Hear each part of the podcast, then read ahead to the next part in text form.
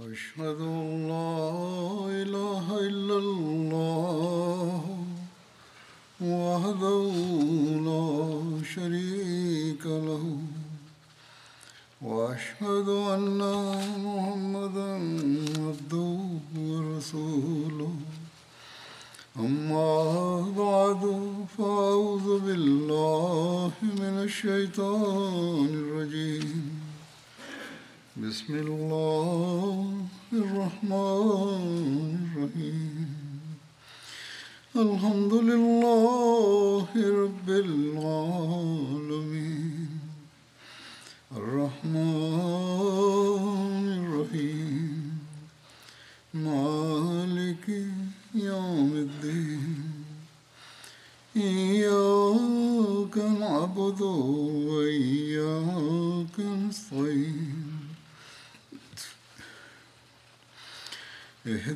الصراط المستقيم. صراط الذين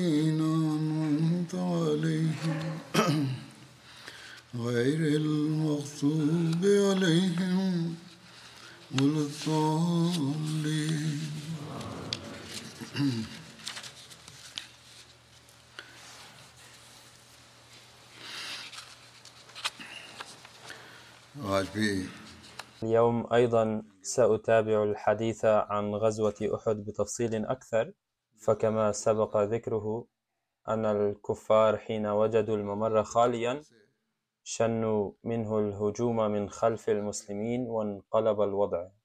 كان الهجوم شديدا للغاية. فكيف أبدى رسول الله صلى الله عليه وسلم الثبات والشجاعة والبسالة في ذلك الوضع؟ فقد ورد عن ذلك أن الصحابة لم يستطيعوا أن يتداركوا أنفسهم في الفزع بعد تغير وضع القتال وتشتتوا لكن النبي صلى الله عليه وسلم ظل ثابتا في ذلك التشويش ورغم كونه محاصرا من ازدحام العدو من الجهات الأربع واستقر في مكانه. فكان ينادي الصحابة الذين كانوا يركضون فزعين هنا وهناك ويقول تعالوا إلي يا فلان ويا فلان أنا رسول الله. وكانت السهام تنقض عليه من كل طرف وصوب. وفي رواية أنه كان يقول بصوت عال أنا النبي لا كذب أنا ابن عبد المطلب. أنا ابن العواتك عموما قد ورد في الروايات وكتب السيرة أنه صلى الله عليه وسلم نطق بهذه الكلمات في غزوة حنين لكنه ليس مستبعدا أن يكون قد نطق بالكلمات نفسها يوم حنين وأحد أيضا. أما العواتك فهي جمع عاتكة إذ كانت أسماء أكثر من واحدة من جدات النبي صلى الله عليه وسلم من قبل الأم والأب عاتكة فإحداهن عاتكة بنت هلال أم عبد مناف. والثانية هي عاتكة بنت مرة وكانت أم هاشم بنت عبد مناف والثالثة هي عاتكة بنت الأوقص وكانت أم وهب أي والدة السيدة آمنة. وفي رواية أنهن كن تسع سيدات ثلاث منهن من بني سليم وست من قبائل أخرى وكلهن جدات النبي صلى الله عليه وسلم. يقول حضرة ميرزا بشير أحمد رضي الله عنه في بيان هذا الحادث المذكور أعلاه في كتابه سيرة خاتم النبيين حين رأى أصحاب عبد الله بن جبير أن الانتصار قد حصل قالوا لأميرهم عبد الله قد انتصر المسلمون وهم يجمعون الغنائم فاسمح لنا بأن نلحق بالجيش فنهاهم عن ذلك وذكرهم أوامر النبي صلى الله عليه وسلم المؤكدة لكنهم كانوا غافلين في فرحة الفتح. فلم يقفوا ونزلوا من الجبل قائلين إنما كان النبي صلى الله عليه وسلم يقصد ألا نترك الجبل خاليا ما لم نطمئن تماما. أما الآن فقد حصل الفتح فلا حرج في النزول. فلم يبقى لحماية الممر سوى عبد الله بن جبير وبضعة من أصحابه.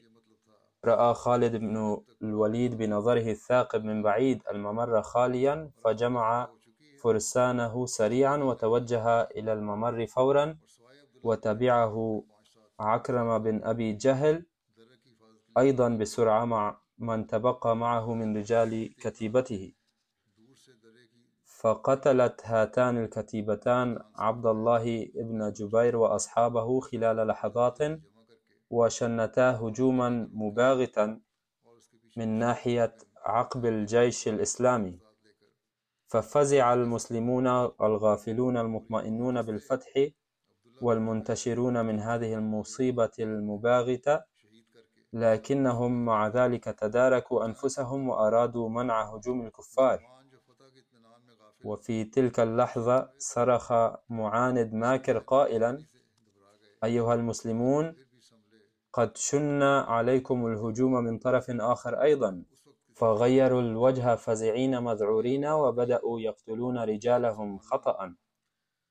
وفي الوقت نفسه حين رأت امرأة جريئة من مكة وهي عمرة بنت علقمة هذا الوضع تقدمت فورا وأخذت راية الكفار التي كانت إلى ذلك الوقت ساقطة على الأرض فأمسكت بها ورفعتها.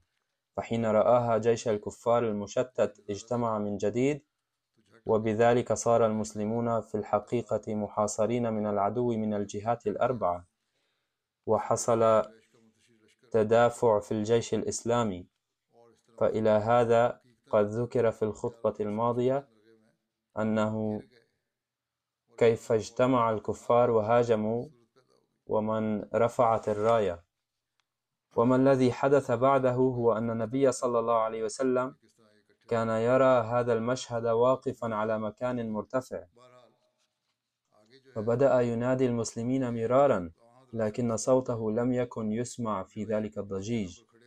يقول المؤرخون إن كل ذلك حدث في وقت قصير جدا بحيث, بحيث فقد المسلمون صوابهم حتى هاجم بعضهم بعضا ولم يميزوا الكفار من المسلمين.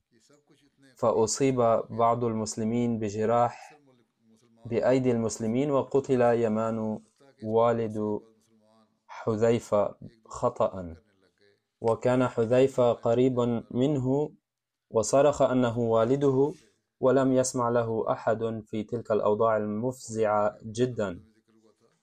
لاحقا أراد النبي صلى الله عليه وسلم أن يدفع له الدية من قبل المسلمين لكن حذيفة رفض استلام الدية وقال أعفو عن المسلمين في دم والدي. يقول سيدنا الخليفة الثاني المسيح الموعود رضي الله عنه بيانا لهذا الحديث كان ليلا حالكا حين أصيب النبي صلى الله عليه وسلم بالجراح في غزوة أحد وتضافرت الأحداث التي بدلت انتصار المسلمين هزيمة. كان النبي صلى الله عليه وسلم قد اختار بعض رماته وعينهم لحراسة ممر هنالك قائلا لا تبرحوا مكانكم هذا مهما كانت نتيجة المعركة. وعندما تشتتت جنود الكافرين ظن هؤلاء المسلمون نتيجة اجتهاد خاطئ منهم أن لا فائدة الآن في بقائهم في مكانهم وإنما عليهم أن ينزلوا ويشتركوا في القتال ولو قليلا. فقال لهم أميرهم لقد أمرنا الرسول صلى الله عليه وسلم بالبقاء في مكاننا على كل حال ولكنهم قالوا له لم يقصد الرسول صلى الله عليه وسلم أن لا نتركه حتى في حالة الفتح وإنما قصد أن لا نتركه ما دامت المعركة مستمرة. وما دام قد حالفنا الفتح وفر العدو فعلينا أن نشترك في, الجه في هذا الجهاد من أجل الحصول على شيء من الثواب. وهكذا تركوا حراسة الممر. ولم يكن خالد بن, خالد بن الوليد قد أسلم بعد. وكان فتى حاد البصر وفيما هو يفر مع جنده لاحظ أن الممر مكشوف فرجع بأصحابه وشن الهجوم على المسلمين من ورائهم من ذلك الممر. لم يكن المسلمون مستعدين لمواجهة هذا الهجوم المباغت فعمتهم الفوضى وتبعثروا فلم يستطيعوا الوقوف في وجه العدو. ثم يقول الخليفة الثاني للمسيح موعود بيانا لهذا الحدث في تفسيره للآية 64 من سورة النور فليحذر الذين يخالفون عن أمره أن تصيبهم فتنة أو يصيبهم عذاب أليم. ليس خافيا على أحد كم تضرر الجيش المسلم في غزوة أحد. نتيجة مخالفة بعض المسلمين لهذا الحكم الرباني. كان الرسول صلى الله عليه وسلم قد عين خمسين من الرماة على ممر هام في الجبل ولحساسية الممر دعا النبي صلى الله عليه وسلم رئيس هذه الكتيبة عبد الله بن جبير الأنصاري وأوصاه وأصحابه وقال لا تتركوا هذا الممر سواء انتصرنا أو متنا. ولكن لما هزم الكفار وبدأ المسلمون يطاردونهم قال أصحاب الكتيبة لقائدهم لقد تم الفتح للمسلمين وبقاؤنا هنا الآن عبث فدعنا ننضم إليهم لنأخذ ثواب الجهاد. فقال لهم قائدهم لا تخالفوا أمر, الرسول صلى الله عليه وسلم لقد أمرنا ألا نترك هذا المكان سواء انتصر المسلمون أو هزموا. لذا فلن أسمح لكم بترك الممر. فقالوا لم يقصد الرسول صلى الله عليه وسلم بقوله أن لا نتحرك من هنا رغم انتصار المسلمين وإنما كان يريد بذلك التأكيد على حماية الممر. أما الآن فقد انتصر جيش المسلمين وانتهى عملنا. فماذا نفعل هنا؟ وهكذا قدموا رأيهم الشخصي على ما أمرهم به رسول الله صلى الله عليه وسلم.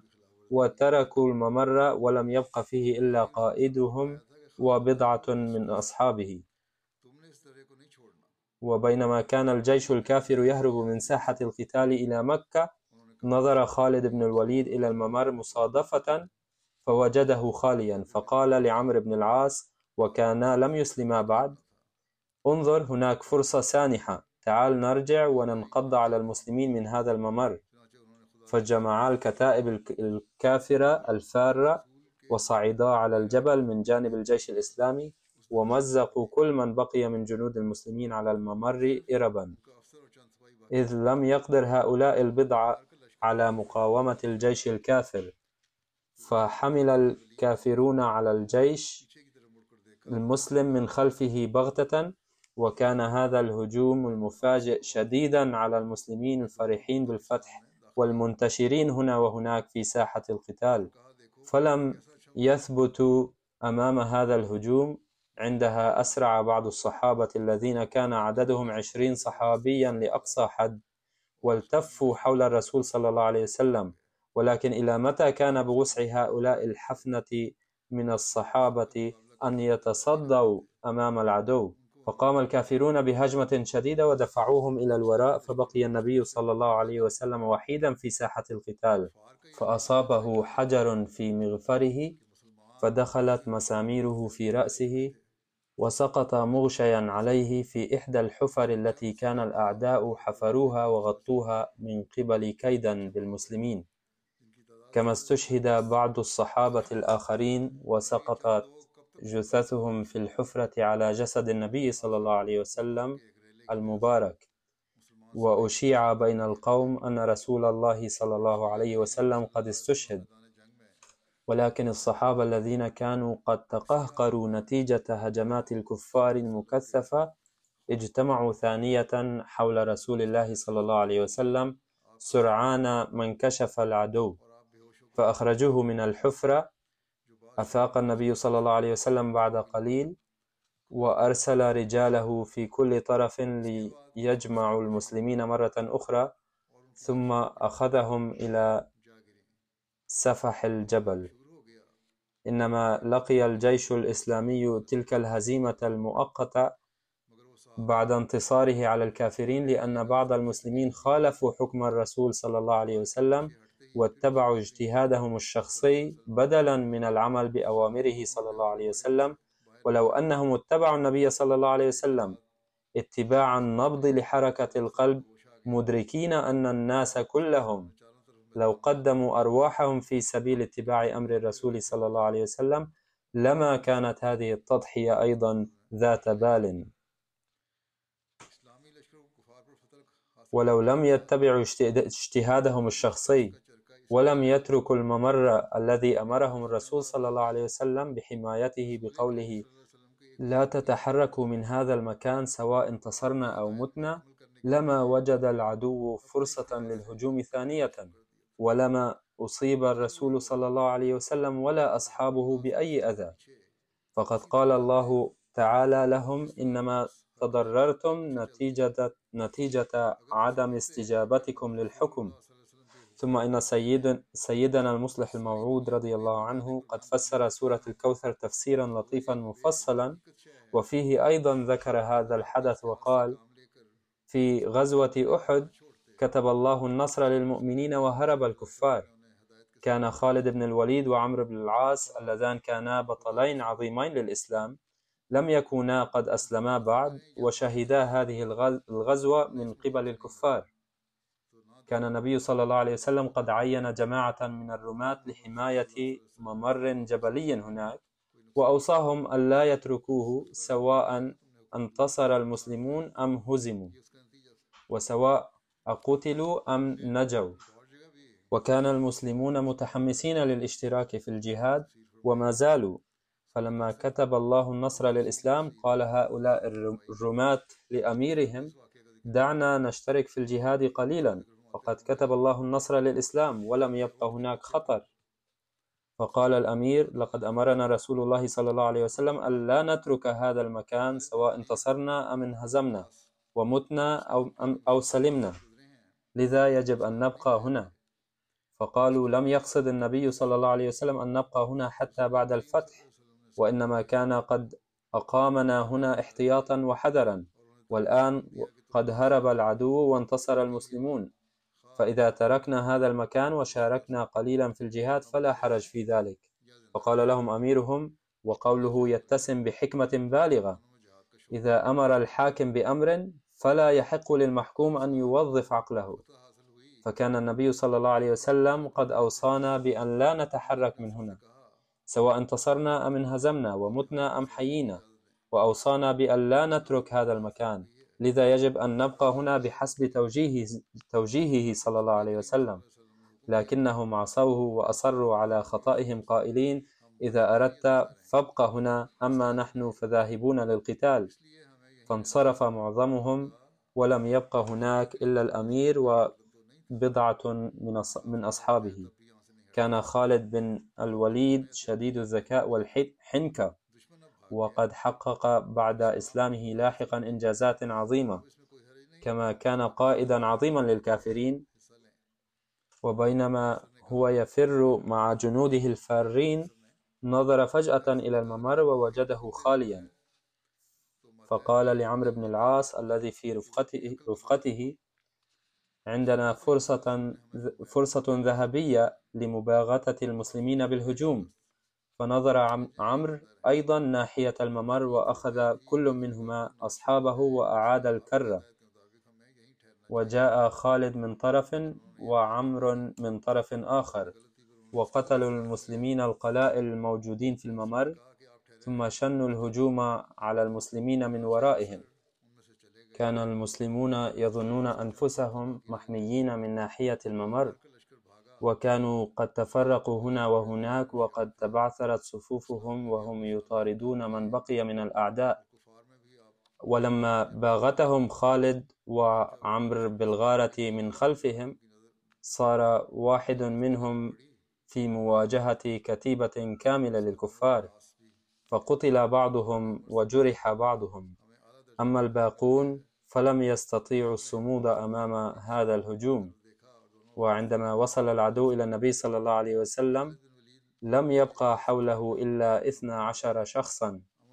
كما استدعى هذان القائدان خالد وعمر قادتهم الآخرين للهجوم فجعل الجيش الكافر المكون من ثلاثة آلاف محارب يجرف المسلمين المتفرقين المشتتين كالموج جرفا بين راشق بالحجارة ورام بالسهام وضارب بالسيف. والجيش الإسلامي كله في ذعر وفوضى. ومع ذلك قدم الصحابة تضحيات منقطعة النظير. إلا أنهم لم يستطيعوا الصمود أمام ثلاثة آلاف مقاتل في ذروة في ذروة نشاطهم. وأصيب النبي صلى الله عليه وسلم في هذا الهجوم وسقط اثنان من أسنانه. وأصاب خوذته حجر فدخلت حلقتها في رأسه فسقط مغشيا عليه في حفرة ووقعت عليه جثث الصحابة الذين كانوا حوله عنه حتى اختفى جسده المبارك تحتها. وشاع بين المسلمين أن رسول الله صلى الله عليه وسلم قد استشهد.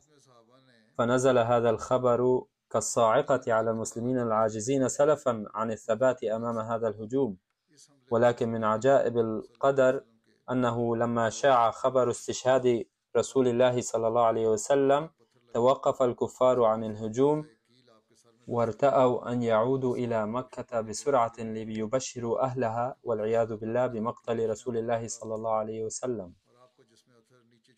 وورد في الروايات عن شجاعة النبي صلى الله عليه وسلم وثباته يوم أحد ما يلي. عن المقداد بن عمرو وذكر حديثا في يوم أحد وقال فأوجعوا أي المشركون والله فينا قتلا ذريعا ونالوا من رسول الله صلى الله عليه وسلم ما نالوا. لا والذي بعثه بالحق إن زال رسول الله صلى الله عليه وسلم شبرا واحدا بل لم يبرح مكانه في وجه العدو. وتثوب إليه طائفة من أصحابه مرة وتفرق عنه مرة أخرى أي تتشتت وتتفرق من شدة هجوم الكافرين. فربما رأيته قائما يرمي على قوسه تارة ويرمي بالحجر تارة أخرى حتى تحاجز المشركون.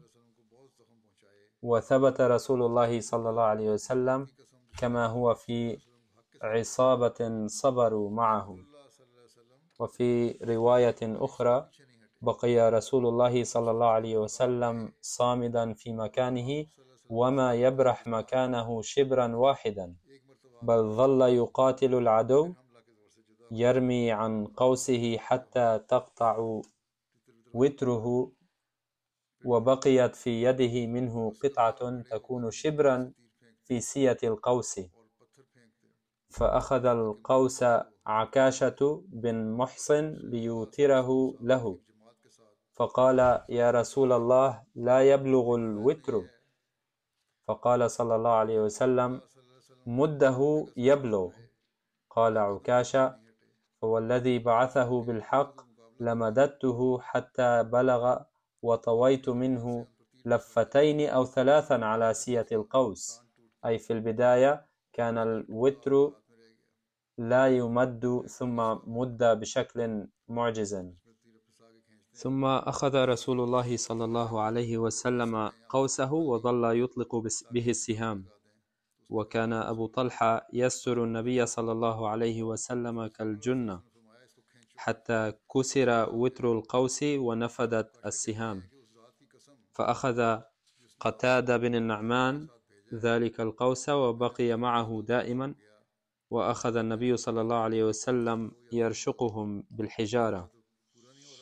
وعن نافع بن جبير قال سمعت رجلا من المهاجرين يقول شهدت أحدا فنظرت إلى النبل تأتي من كل ناحية ورسول الله صلى الله عليه وسلم وسطها كل ذلك يصرف عنه.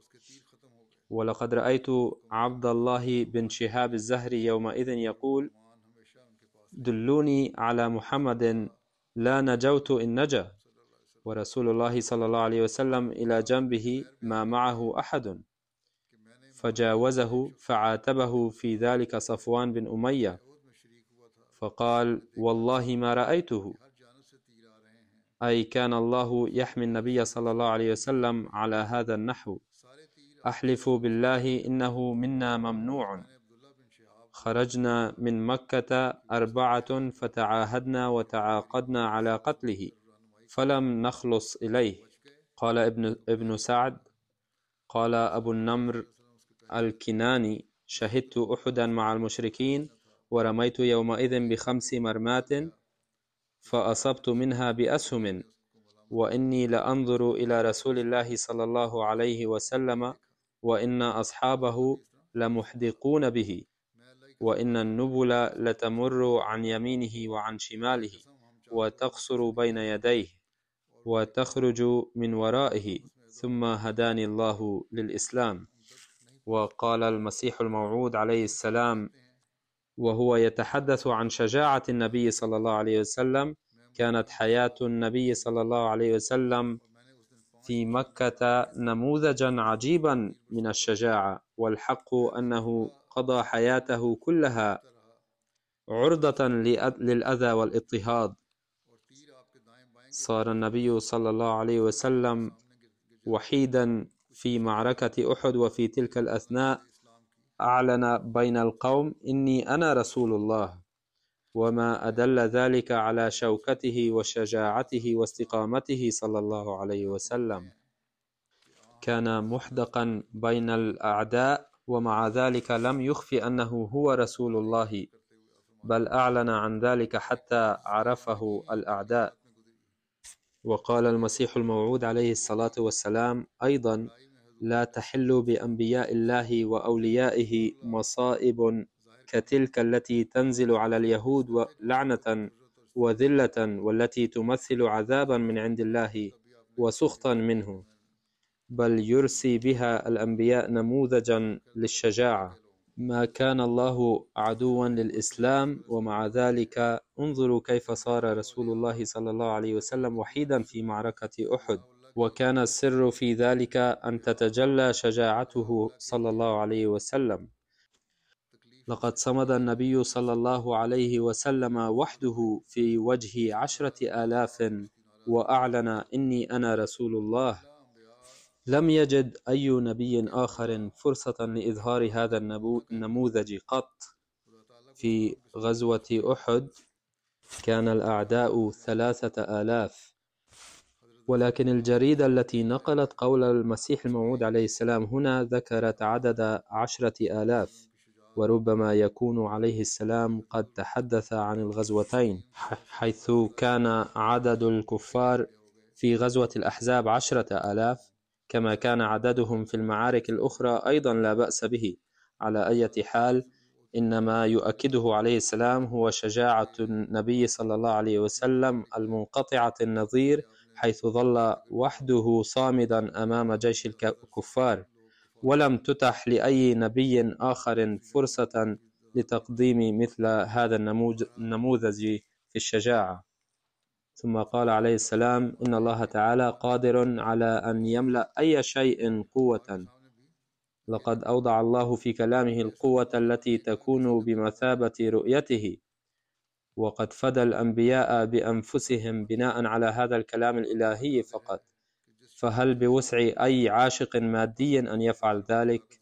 بسبب هذا الكلام الإلهي لم ينسحب أي نبي من هذا الميدان بعد الولوج فيه ولم يكن أي أي منهم غير وفي أيضا. أي أعلنوا دعواهم ثم ظلوا ثابتين على ذلك. لقد قدم الناس شتى التأويلات لما حدث في غزوة أحد ولكن الحق أنه قد ظهر في ذلك الوقت تجلي الله الجلالي ولم يكن لأحد غير النبي صلى الله عليه وسلم أن يقدر على تحمله. ولذلك ظل ثابتا صامدا في الميدان بينما تزعزعت أقدام الصحابة. فكما كان صدق النبي صلى الله عليه وسلم ووفاؤه مع الله تعالى منقطع النظير في حياته كذلك لا نجد له نظيرا فيما يتعلق بالتأييدات الإلهية التي حالفته. وباقي هذا البيان سأتناوله فيما بعد إن شاء الله تعالى. أما الآن فأود أن أذكر بعض الموتى بالخير وأولهم هو أحد خدام الجماعة القدامى الداعية الدكتور جلال شمس. لقد صليت عليه الجنازة أمس ولكني وددت أن أذكره في خطبة الجمعة أيضا. كان المرحوم واقفا للحياة ذا كفاءة عالية بسيطا ووفيا. لقد توفي إلى رحمته تعالى قبل بضعة أيام عن عمر يناهز تسعة وسبعين عاما. إنا لله وإنا إليه راجعون. نال درجة الشهادة من الجامعة الأحمدية بعلامات ممتازة عام 1969 وبعد التخرج عمل داعية في أماكن شتى في باكستان لبعض الوقت ثم أرسل إلى إسلام أباد بباكستان لتعلم اللغة التركية بأمر من حضرة الخليفة الثالث رحمه الله. ثم أوفد إلى تركيا لتعلم اللغة التركية في عام 1974 فحاز الدكتوراه بهذه اللغة بعلامات ممتازة. ثم جاء من هنالك إلى المملكة المتحدة بأمر من حضرة خليفة المسيح الرابع رحمه الله. لقد وفقه الله تعالى لخدمة الجماعة داعية في بريطانيا ثم في ألمانيا. كان نطاق معارفه واسعا جدا. وهم يقيمون في بلاد مختلفة في تركيا وألمانيا والمملكة المتحدة أيضا. ولا يزالون يكتبون لي عن محاسنه. جعل المرحوم رئيس المكتب التركي المركزي ببريطانيا وقدم خدماته بهذا المنصب بمنتهى الإخلاص والجد والاجتهاد حتى لحظة وفاته. لقد وهبه الله تعالى ذكاء خارقا وفطنة غير عادية عندما حاز الدكتوراه باللغة التركية من جامعة إسطنبول عرض عليه أن يعمل بروفيسورا مقابل دخل غير عادي. فاسترشد حضرة خليفة المسيح الرابع في الأمر فلم يقل له حضرته أن يقبل هذا العرض أو لا يقبل بل قال له عليك أن تقرر بنفسك ما تريده بعد كثير من الدعاء والتفكر الرصين. فقام بالدعاء وآثر الاستمرار في وقف حياته لخدمة الجماعة رافضا عرض العمل هذا. في عام 2002 اعتقل مع اثنين من زملائه خلال جولة خلال جولة لتركيا بجريمة تبليغ دعوة الإسلام الأحمدية ونال شرف قضاء أربعة أشهر ونصف شهر أسيرا في سبيل الله تعالى ومن أهم إنجازاته مشاركته مع زملائه في إعداد ترجمة القرآن الكريم باللغة التركية كما وفقه الله تعالى لترجمة العشرات من كتب المسيح الموعود عليه السلام وكتابة وإعداد ونشر الكثير من مطبوعات ومناشير تبليغية وتربوية باللغة التركية. كان شخصية عزيزة العلم ومولعة بكثرة المطالعة. قام بمطالعة كتب وأقوال وخطابات المسيح الموعود عليه السلام وخلفائه بمنتهى الدقة كان يكتب ملاحظاته على صفحة الكتاب نفسه. علاوة على كتب الجماعة كان شغوفا بقراءة الكتب الأخرى في شتى العلوم والفنون. كان حاد الذكاء والفطنة وكان يبين دقائق الأمور في حديثه العلمي مع أحبابه وأصدقائه. وما كان يتكبر ولا يتعالى إذا لم يفهم شيئا بل كان يستشير الدعاة الآخرين الذين كانوا أصغر منه سنا. وهبه الله تعالى ملكة عجيبة لتعلم اللغات كانت الأردية والبنجابية من لغاته لغاته الأم. وحاز الدكتوراه في اللغة التركية واكتسب فيها حنكة ومهارة غير عادية كما كان يتقن الحديث باللغة الإنجليزية والعربية والألماني والألمانية والفارسية حتى أنه قام بترجمة كلام الخليفة الرابع رحمه الله تعالى في بعض مجالسه مع العرب حين لم يتيسر مترجم باللغة العربية وكان يتكلم باللغة السرائيكية أيضا. في البداية كان يقوم بترجمة خطبة, خطبة الجمعة بالتركية بعد إلقاء بعد إلقائها فورا وكان الأتراك أنفسهم يشيدون بمستوى لغته وبغزارة مفرداتها لديه. كان قديرا على الكتابة والخطابة معا. باختصار كان المرحوم حائزا محاسن محاسن كثيرة ومؤيدا لحقوق ومؤديا لحقوق الله وحقوق العباد إلى أقصى الدرجات. كان يحب الأقارب وغير الأقارب على سواء. لقد كتب لي كثيرون أن المرحوم كان إنسانا مواسيا وغير متكلف وكان لقاؤه يترك لدى من يقابله ذكريات لن تمحى أبدا. كان متوكلا على الله ومعينا للمساكين وذوي الحاجة في صمت. كان يحب الخلفاء بوله وعشق وكان يرى الرؤى الصالحة وكان يكثر من ذكر الله. رفع الله درجاته ويلهم أولاده وزوجته جميل الصبر والسلوان ويوفقهم في الاستمرار في حسناتهم. هناك بعض المتوفين الآخرين أيضا الذين سأصلي عليهم صلاة الغائب وهم ثلاث جنائز. أول من سأذكره هو المرحوم محمد إبراهيم البهامري الذي توفي قبل بضعة أيام عن عمر يناهز مئة وستة أعوام. إنا لله وإنا إليه راجعون.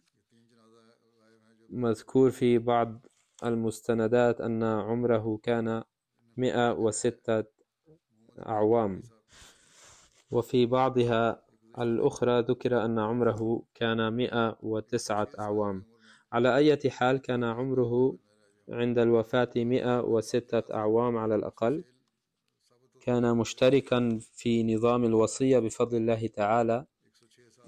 دخلت عائلته الأحمدية بواسطة والد المرحوم وهو تشودري عبد الكريم الذي بايع في عام 1918 أو 1919 يقول المرحوم إبراهيم البهامري ذاكرا قصة بيعة والده دخلت عائلتنا الأحمدية بفضل الله تعالى بواسطة والدي الذي كان ينتمي من قبل من قبل إلى فرقة فرقة أهل الحديث. ضعف بصره كثيرا في عام 1918 بسبب الإصابة بالمياه الزرقاء فدخل مستشفى نور في قاديان للعلاج. كان والدي رجلا معروفا فلما علم الناس بدخوله المستشفى بدأوا يتوافدون لعيادته وكان منهم الأستاذ عبد الرحمن مهر سنغ وغيره من كبار الجماعة وكانوا يخدمونه ويبلغونه الدعوة أيضا. يتابع المرحوم محمد إبراهيم البهامري كانت مسألة وفاة عيسى عليه السلام واضحة ومترسخة جيدا في ذهن والدي أي أن عيسى عليه السلام قد مات وليس حيا. عندها أيقن أن المسيح الموعود عليه السلام صادق وحق تماما أي ما دام عيسى عليه السلام قد مات والعصر يقتضي مجيء المسيح الموعود لذا هذا هو زمن مجيئه. وإن لم يأتي الآن فمتى؟ فبايع في قاديان في أثناء مرضه وعندما عاد إلى قريته وعلم الناس بقبول بقبوله الأحمدية جاءوه وأبدوا تأسفهم وقالوا لو علمنا أنك ستنضم إلى المرزائية أي الأحمدية نتيجة ذهابك إلى قاديان لما سمحنا لك بالذهاب إليها؟ ولو صرت أعمى. فقال لهم السيد عبد الكريم لقد صارت بصيرة الروحانية أيضا حادة إلى جانب بصارة المادية والبصيرة الروحانية أهم من البصارة المادية بكثير. ولا يسعني أن أؤدي شكر الله تعالى على أنه وفقني للسلوك على الصراط المستقيم. وأستطيع أن أقول على بصيرة إن المسيح الموعود عليه السلام صادق. كان أهل القرية يبغضون المسيح الموعود عليه السلام بشدة لأن المشايخ كانوا قد نفثوا السموم في أذهانهم فكانوا يقولون لو ادعيت أنت كونك مهديا لقبلناك ولكن لن نقبل ميرزا غلام أحمد. فكان السيد عبد الكريم يقول إنها من علامة صدقه أي صدق المسيح الموعود عليه السلام أنني آمنت به حاسبا إياه على حق فآمنوا به أنتم أيضا. فقد ألحق المرحوم إبراهيم البهامري وأخاه الصغير والده والدهما إلى المدرسة الأحمدية في قاديان عام 1926 فكانا يصليان إلى المد... يصلان إلى المدرسة بقطع... بقطع مسافة خمسة أميال كل يوم. وفي عام 1931 توفي والد المرحوم عندها حاول إخوته لإقناع والدة المرحوم بألا ترسله وأخاه الصغير إلى قاديان لأنها بعيدة بل يمكن أن نلحقهما إلى مدرسة, مدرسة قريبة. ولكنها قالت لن أفعل ذلك بل سيدرسان في كل الأحوال في المدرسة التي ألحقهما بها والدهما. يتابع الراوي قائلا هكذا ظللنا نذهب إلى قاديان وبعد اجتياز الصف السابع في قاديان درسنا في الجامعة الأحمدية. في تلك الأيام كان الالتحاق بالجامعة الأحمدية بعد اجتياز الصف السابع مسموحا به. وقد اجتزت امتحان الثانوية بعد أن درست دراسة خاصة. وفي عام 1939 اجتزت امتحان مولوي فاضل. كان المرحوم يحفظ قصيدة المسيح الموعود عليه السلام بكاملها إلى جانب قصائد كثيرة أخرى من مجموعة القصائد يعني كلام محمود والدر الثمين. وكان يحفظ أيضا مقتبسات كثيرة فكان قادرا على الإشارة إلى مراجع النصوص فورا بعد الحصول على شهادة شهادة مولوي الفاضل من جامعة بنجاب. نذر حياته فلما ذهب إلى الخليفة الثاني رضي الله عنه لهذا الغرض قال رضي الله عنه له تعلم الأعمال المكتبية. في أول يناير عام 1944 عين المرحوم أستاذا لتدريس مادة الأديان واللغة العربية في المدرسة الأحمدية من عام 1941 إلى عام 1947 قام بخدمة الجماعة في مجالات مختلفة من عام 1941 إلى 1947 خدم سكرتيرا خاصا لحضرة ميزة بشير أحمد رضي الله عنه ثم عمل في نظارة بيت المال لأن سيدنا سيدنا المصلح الموعود رضي الله عنه كان قد أمره بتعلم أمور مكتبية. في عام 1947 عين أستاذا في مدرسة تعليم الإسلام الثانوية وبعد تقسيم القارة الهندية إلى الهند وباكستان خدم في مدرسة تعليم الإسلام الثانوية في ربوة أيضا وظل يخدم إلى عام 1974 حتى تقاعد منها في العام نفسه. ثم خدم من عام 1975 إلى عام 1994 مراقبا وناظم الإرشاد في مؤسسة الوقف الجديد. فكان يعمل مع سيدنا الخليفة الرابع رحمه الله ويقوم بحسب أوامره بزيارة الأماكن المختلفة ويسوي أمورا كثيرة. وقام وقد قام بتدريس دعاة الجماعة أيضا وفق للخدمة كرئيس للجماعة في حارة دار النصر في ربوة إلى أكثر من خمسين عاما. كان يؤم الصلوات الخمس وصلاة التراويح أيضا لأنه كان يحفظ قدرا لا بأس به من القرآن الكريم. تقول إحدى بناته كانت معاملته مع مع الأقارب مثالية. جميع أقاربنا جميع أقاربنا الذين كانوا يقيمون خارج ربوة مكثوا في بيتنا للدراسة. إن سر حياته النشيطة والطويلة والمباركة كان يكمن في الاستيقاظ في الصباح الباكر لصلاة الفجر والإكثار من ذكر الله والمشي على الأقدام والذهاب إلى والذهاب إلى المكتب والمدرسة على الدراجة. كان يأكل طعاما بسيطا وكان قانعا وصابرا دائما. كان يحب الخلفاء حبا كبيرا وصادقا. تقول الراوية إن أولاده جميعا سيكون يسكنون خارج باكستان وكلما طلبنا منه أن يأتي إلينا خارج باكستان قال أريد أن أذهب إلى قبر سيدنا المصلح الموعود رضي الله عنه للدعاء له, له كل يوم. لذا لا أستطيع أن أقيم خارج باكستان. كان يحب سيدنا المصلح الموعود رضي الله عنه بشكل خاص. كلما جاءه أحد طالبا الدعاء قال له اكتب رسالة إلى خليفة الوقت أولا لهذا الغرض ثم سأدعو لك. ثم كان يدعو أيضا رافعا يديه ولما كان حافظا لقصيدة المسيح الموعود عليه السلام التي مطلعها يا عين فيض الله والعرفان فكان يقرأ جميع أبياتها قبل الخلود إلى النوم كل يوم إلى النوم كل يوم. تتابع الراوية. كان والدي كثيرا ما يذكر رؤيا رآها والده أي جدنا فقد رآني أتسلق شجرة النخل ولكن والدي كان يخاف سقوطي ولكني تسلقت في لمح البصر ووصلت إلى آخر الشجرة. تقول ابنة المرحوم كان والدي يفسر هذه الرؤيا بطول عمره وغزارة عمله. يقول السيد شيخ مبارك أحمد ناظر الديوان في باكستان كنت تلميذه أيضا ثم عملت معه مدرسا في المدرسة إلى خمس, خمس سنين. وعمل المرحوم إبراهيم البهامري مراقبا في دار إقامة الطلاب إلى مدة طويلة وكان يعامل جميع الطلاب سواء كانوا أحمديين أم غير, أحم... غير الأحمديين بالحب والرأفة واللطف على حد سواء.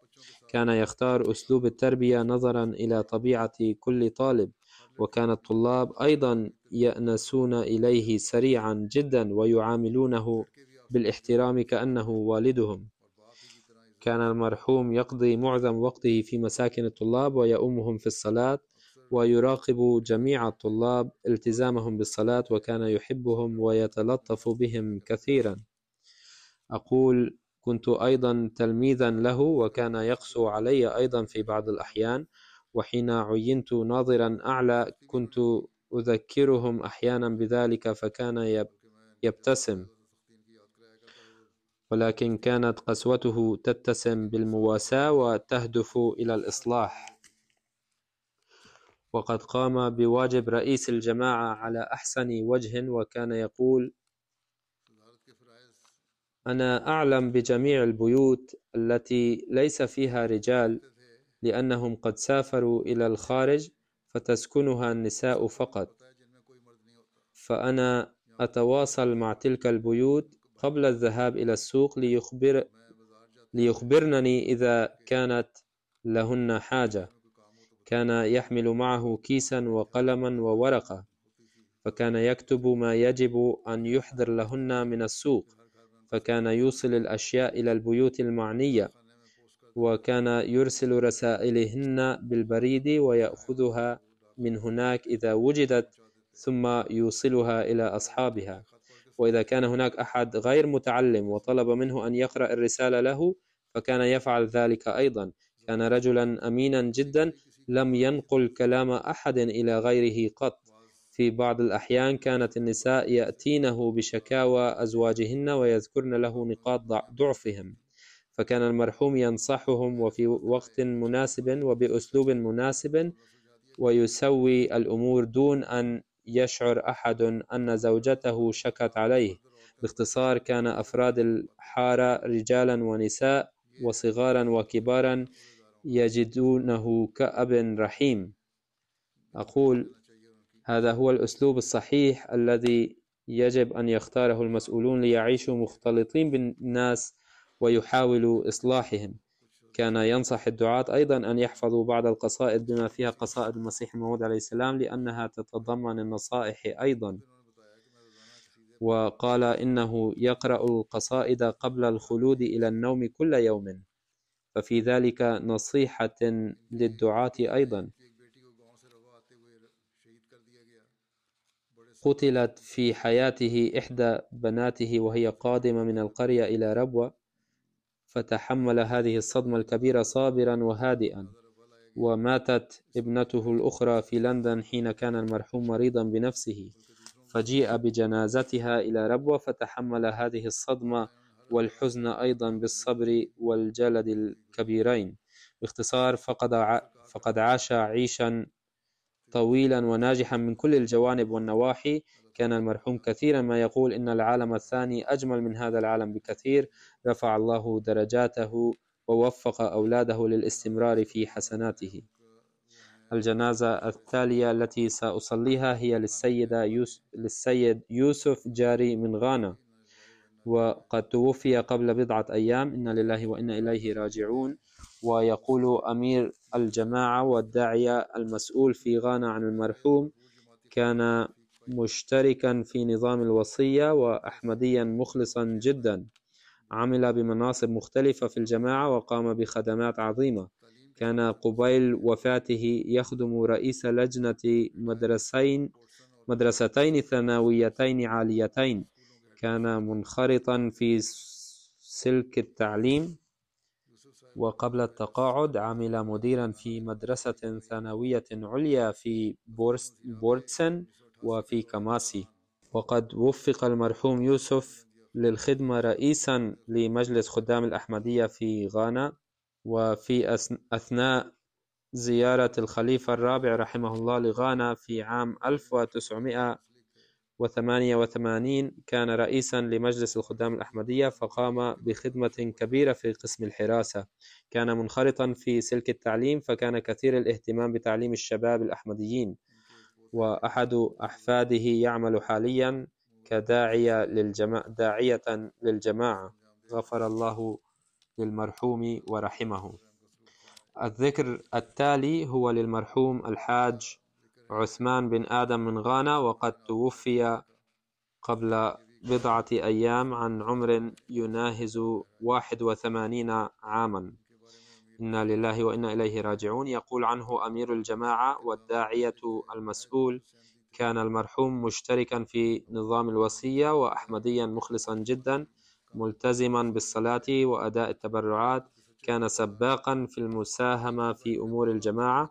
كان مخلصا جدا للخلافة وسعى جاهدا أن يرسخ ذلك في أولاده أيضا. كان كثير, الاهت... كثير الاهتمام بتعليم أولاده الأمور الدينية والدنيوية. لعب دورا كبيرا في ترجمة معاني القرآن الكريم في اللغة في اللغة شانتي تقول زوجته كان المرحوم دمث الأخلاق ومحبوبا جدا. في عام 2012 وفقه الله تعالى للحج وعلم عددا كبيرا من أفراد الجماعة القرآن الكريم. غفر الله له ورحمه.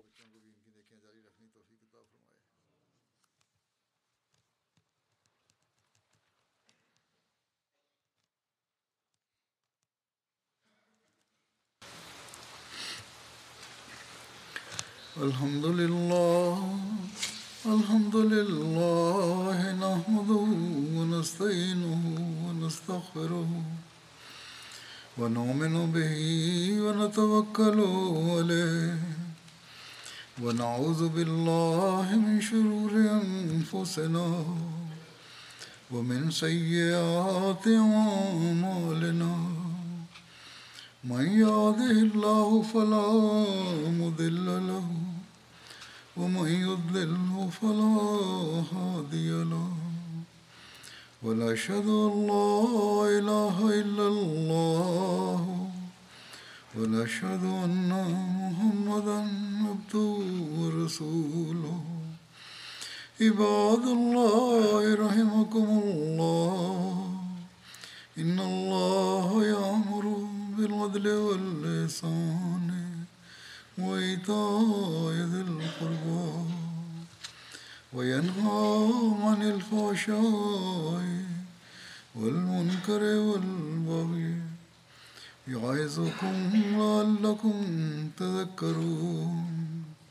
اذكروا الله يذكركم وادعوه يستجب لكم ولذكر الله أكبر.